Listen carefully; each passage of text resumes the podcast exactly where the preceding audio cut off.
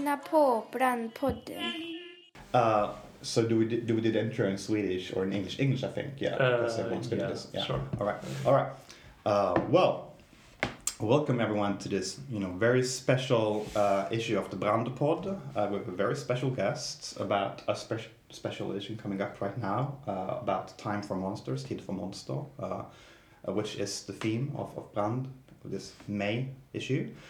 Uh, and today it's me, Johan, in the studio, uh, and I'm here with our sound producer, Marcus, and Ji- Professor Jill Hart, all the way from Berkeley, California, and South Africa, uh, visiting Sweden. Um, welcome to Sweden, Jill.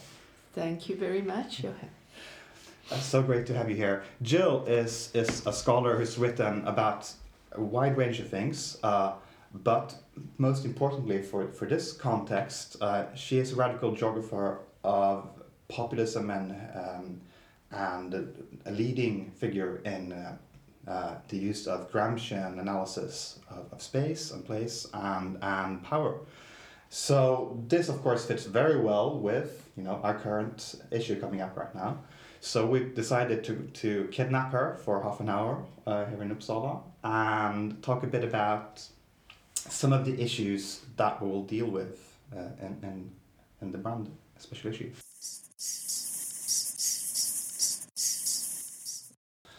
Okay, so I think we should start um, talking about what is kind of the main theme of, of this issue, uh, which is there are various articles about uh, trying to, to to think through what we think of as a crisis today in Sweden and in Europe through Gramsci, um, and and this of course as uh, you, you would argue is a crisis that plays out in different ways, um, but from your own work um, with Gramsci, what, what do you think is the, most useful takeaway points from using Gramsci to understand the politics of crisis?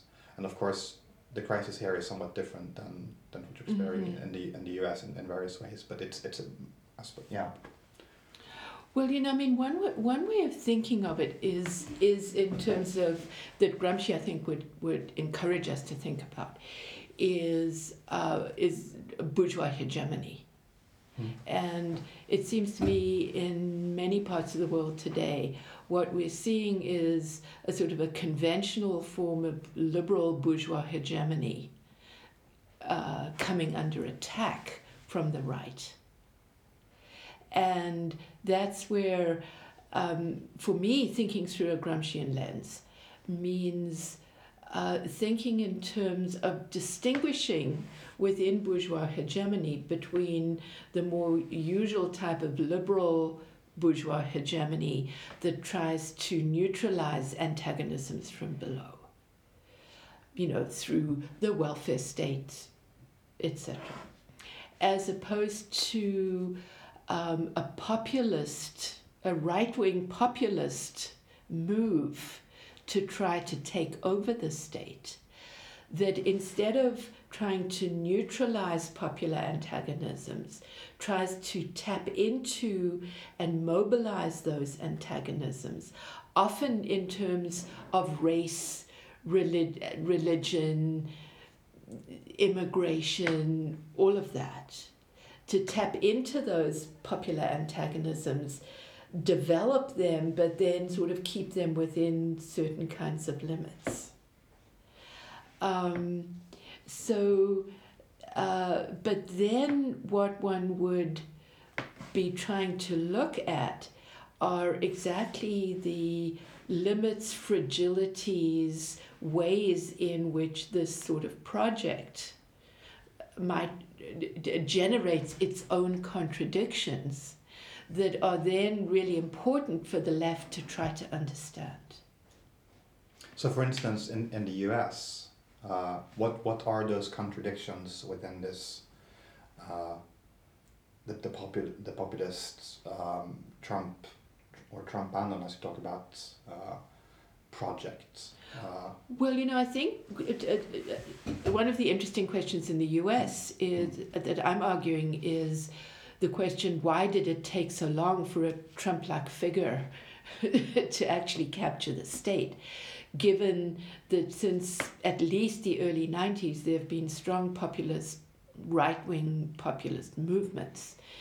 Uh, and I think part of that is explained by the fact that the US can, at US as a country and consumers can go into debt in a way nobody else can, and that in Gramscian terms, 2008 was a key crisis point in terms of turning point in the US. And what that was all about was the financial crisis, which meant that this debt bubble that had kept things going burst.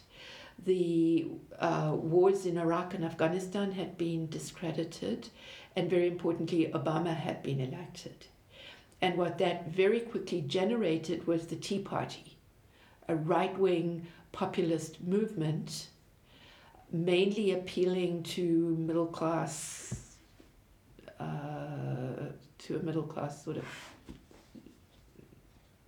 population.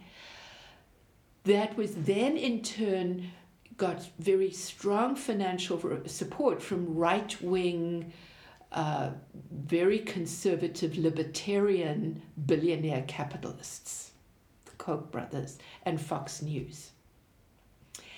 And that right wing populist movement then got a lot of people into Congress, but it fell it, it came under pressure in 2012 when Obama was uh, reelected, and the Republican Party started moving in a pro immigration direction.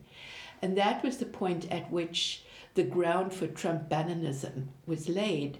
But Bannon had actually infiltrated the Tea Party and was beginning to re articulate it in a nationalist direction. And when the uh, when the Republican Party started moving towards immigration, Bannon really moved in on that and then linked anti immigration with anti free trade nationalism. And it was that that Trump then picked up. And it seems to me that that is an example of a right wing populist strategy, sort of moving in on a crisis and redirecting it through, pop- through operating in the realms of popular culture which I think the, the left doesn't take serious nearly seriously enough.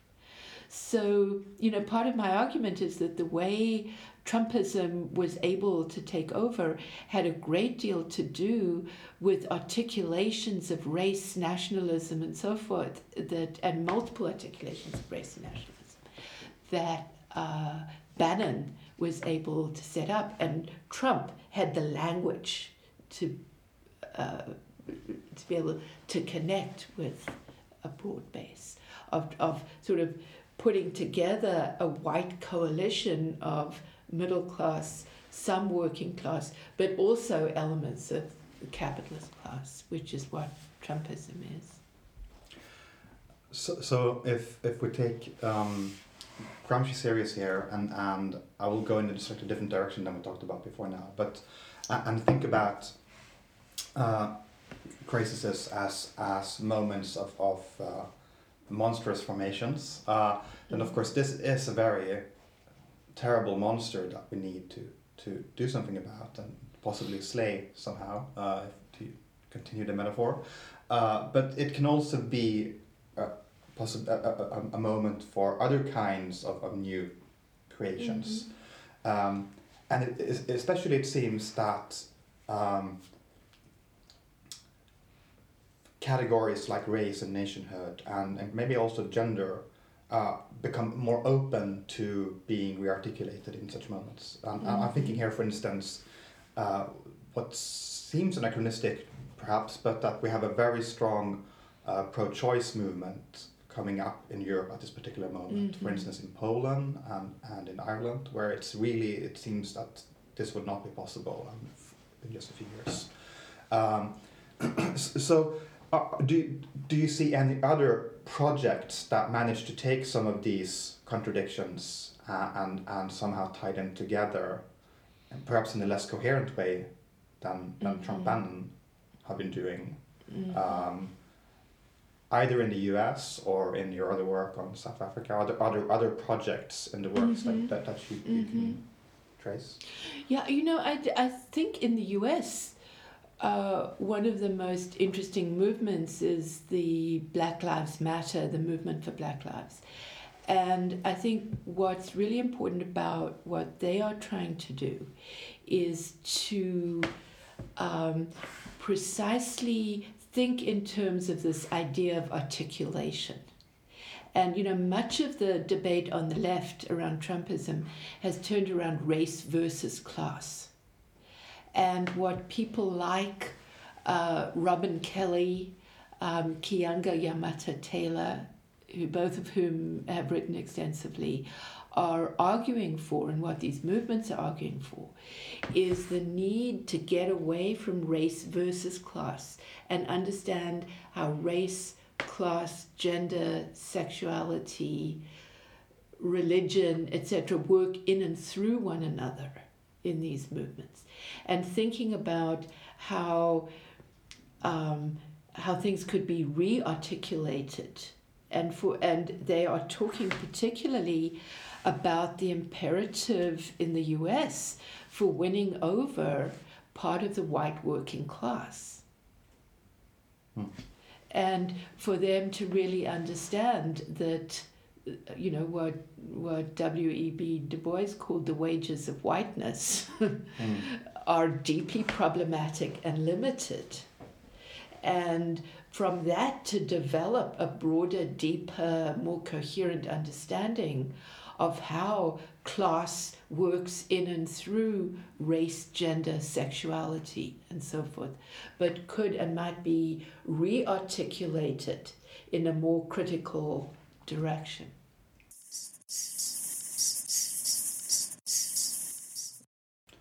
So, so this brings me to my next next question, um, and uh, much of your work has been inspired by Gramsci, and in some ways maybe through uh, Stuart Hall as well as, as a reader of Gramsci, uh, and this has brought you into contact with, with other people who are working on, on the on, with the same terms of analysis.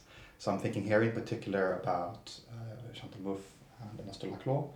Uh, and of course, these these are figures that there have been a lot of controversy around, uh, but they also seem to um, have their time in some ways now. It, it seems that it's it's their moment, and there actually have been more or less parties formed on on the uh, on the blueprint, uh, more or less translated from their work. I'm thinking about Podemos, in particular, but also Mhm. perhaps Syriza and the, Mhm. and the new left wing populist party in Italy. Um, Mhm. so, so, um, since I know you have been critical of some of their some some of their theories around populism, could could you outline to me what that criticism is, and also if, if there's any way you, you you think it it has bearing on these actual political projects trying to find their, their way Mhm.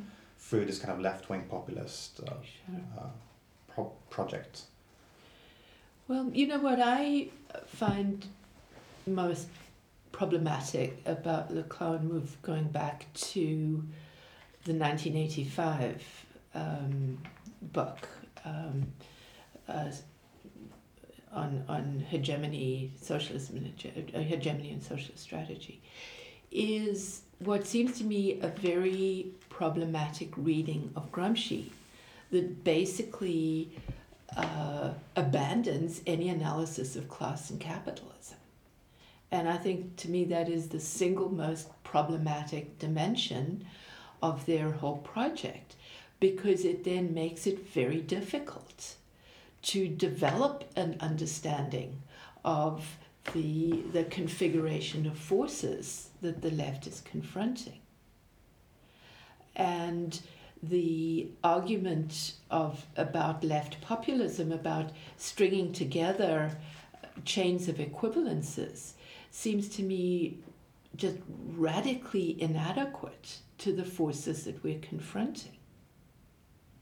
Um, and I think that has become clear with both Podemos and Syriza that, that the lack of an analysis of the way capitalism and class are working in and through many other uh, sets of forces, um, generates a very limited kind of politics. And in the symposium that we had the other day, uh, the Indian scholar Manu Goswami made what I thought was a very interesting comment about how sort of left populism is socialism on the cheap. Um, whereas it seems to me, if one if one if, if instead of abandoning Gramsci, if one takes Gramsci seriously, but then tries to translate Gramscian insights into the the present moment, uh, what one is led to is a very different kind of analysis as well as a different kind of politics.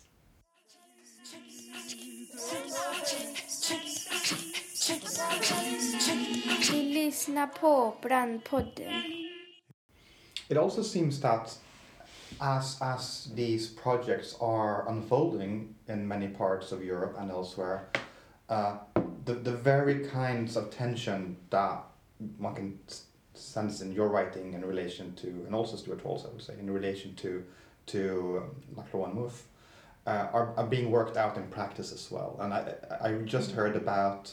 Um, an ongoing conflict in, in Jackson, Mississippi, between mm-hmm. the more grassroots based corp- uh, Cooperation Jackson collective mm-hmm. that actually are traveling in Sweden at the moment, uh, and and the kind of mayoral campaign uh, for, for the, political movement uh, that seems to be playing out more or less around this dynamic. But also, if you look, for instance, in Spain, there seems to be a tension between Podemos as a political project on a national level and more radical movements more entrenched in grassroots in, for instance, mm-hmm. Barcelona, like mm-hmm. uh, Barcelona en Comú, uh, and, mm-hmm. and um, Madrid, uh, Madrid Ahora, I think they're called. Uh, so it, it seems that there is this tension uh, also in, in actual practice, uh, and it, it would be wise to, to think about those things. Um, another um, issue that seems related to this, to, to slightly shift gears, um, is about nationalism. Um, again, something you talked about earlier today, and uh, you encouraged us to think about nationalism as always present in all these projects, mm-hmm. um, and as something of a terrain of struggle.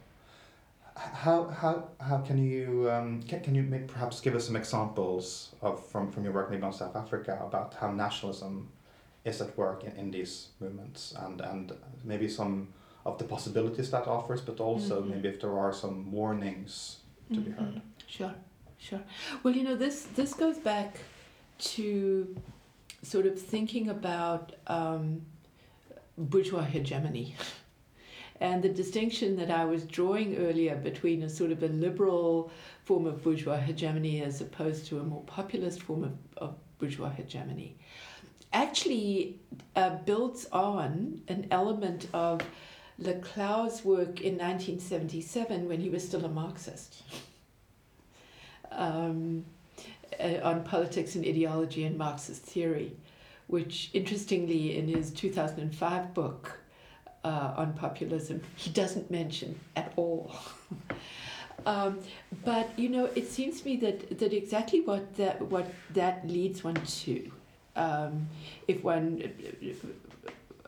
pushes 1977 Laclau in a more explicitly Gramscian direction than he himself went in 1977, is that what is very crucial is to understand how articulations of nationalism operate in terms of projects projects of hegemony, but they are successful to the extent that they connect with popular with understandings generated in the realms of everyday life. And this is where Gramsci's idea of common sense, senso comune, that which is understood in common and unquestioned, but that always has within it a strand of, of, of, of critique and possibilities for being taken in a different direction. And I think what's really important here is that the way Gramsci was thinking about the role of organic intellectuals was not a vanguardist understanding at all. It was an understanding of the democratic philosopher who, him or herself as a, a figure, uh, is transformed through deep, serious engagement with uh, the realms of everyday life. And uh, that this is where in South Africa in the 1980s, for instance, there's very interesting work that's been done on um, uh, the the region of KwaZulu of, of KwaZulu Natal where there was a powerful effort to bring in Zulu ethnic nationalism. Um, that got re-articulated into many Zulu-speaking people, becoming quite militant members of working class movements. Um, but there's a very interesting set of writings around the imperative for taking serious, uh, taking seriously how these forces are generated in the realms of everyday life and might be re-articulated in more critical and coherent ways. But that's long, hard slog uh, through institutions. Mm. Yeah? Yeah. and much much more difficult than stringing together chains of equivalence a la Laclau, more recent Laclau and Mouffe. And it seems that that is a way of thinking about it that is also very much connected to to ongoing struggles and the actuality of those struggles and, and, and, and find, finding out how they are culturally enmeshed and produce their own local cultures of through struggle. That's right. But you know, it also seems to me that, and this is where critical geography comes in, of thinking of these struggles that uh, that that of course have to engage with local issues in people's everyday lives, but at the same time generating understandings of the relations and connections of what is going on in people's everyday lives to to, to wider, larger sets of forces. And it seems to me this is where Gramsci could be very usefully combined with a more explicitly critical geographical understanding where one thinks of the excuse me of the local or place not as a bounded unit but of uh, nodal points of coming together of socially produced space of forces operating elsewhere It seems this was also a problem for Gramsci. I mean, considering the the dynamics that led up to his imprisonment, that certain areas had a very strong presence of labor militancy and left wing militancy, but they somehow became too isolated and could not connect as much as as as as as um, was needed to create something strong enough to, to resist and to hold back. No, exactly, and that's what um, his essay on aspects of the southern question is all about: is the discrepancy between the northern Italian industrial working class and the southern peasantry. And you know exactly what he was doing is making an argument for the need for greater, for for for, for them to come together. Hmm.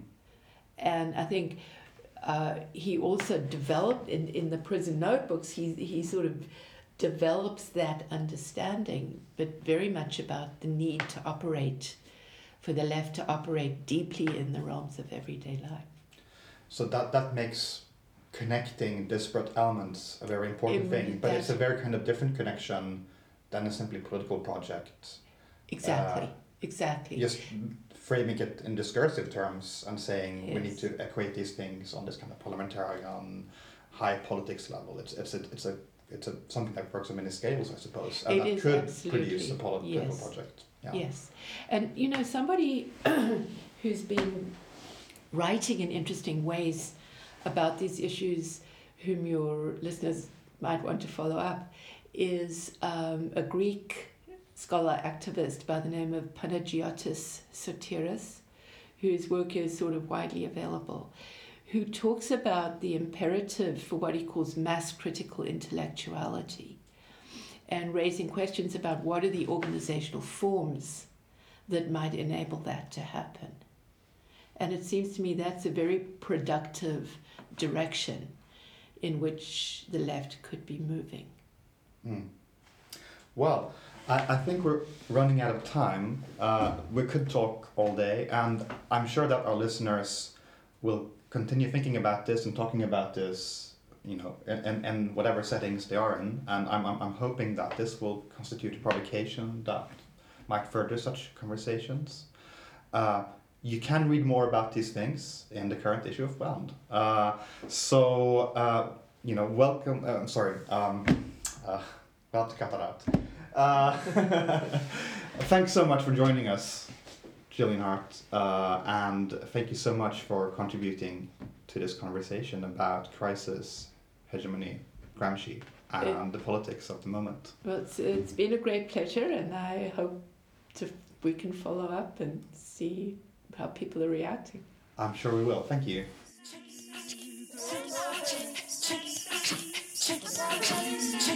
Ni lyssnar på Brandpodden.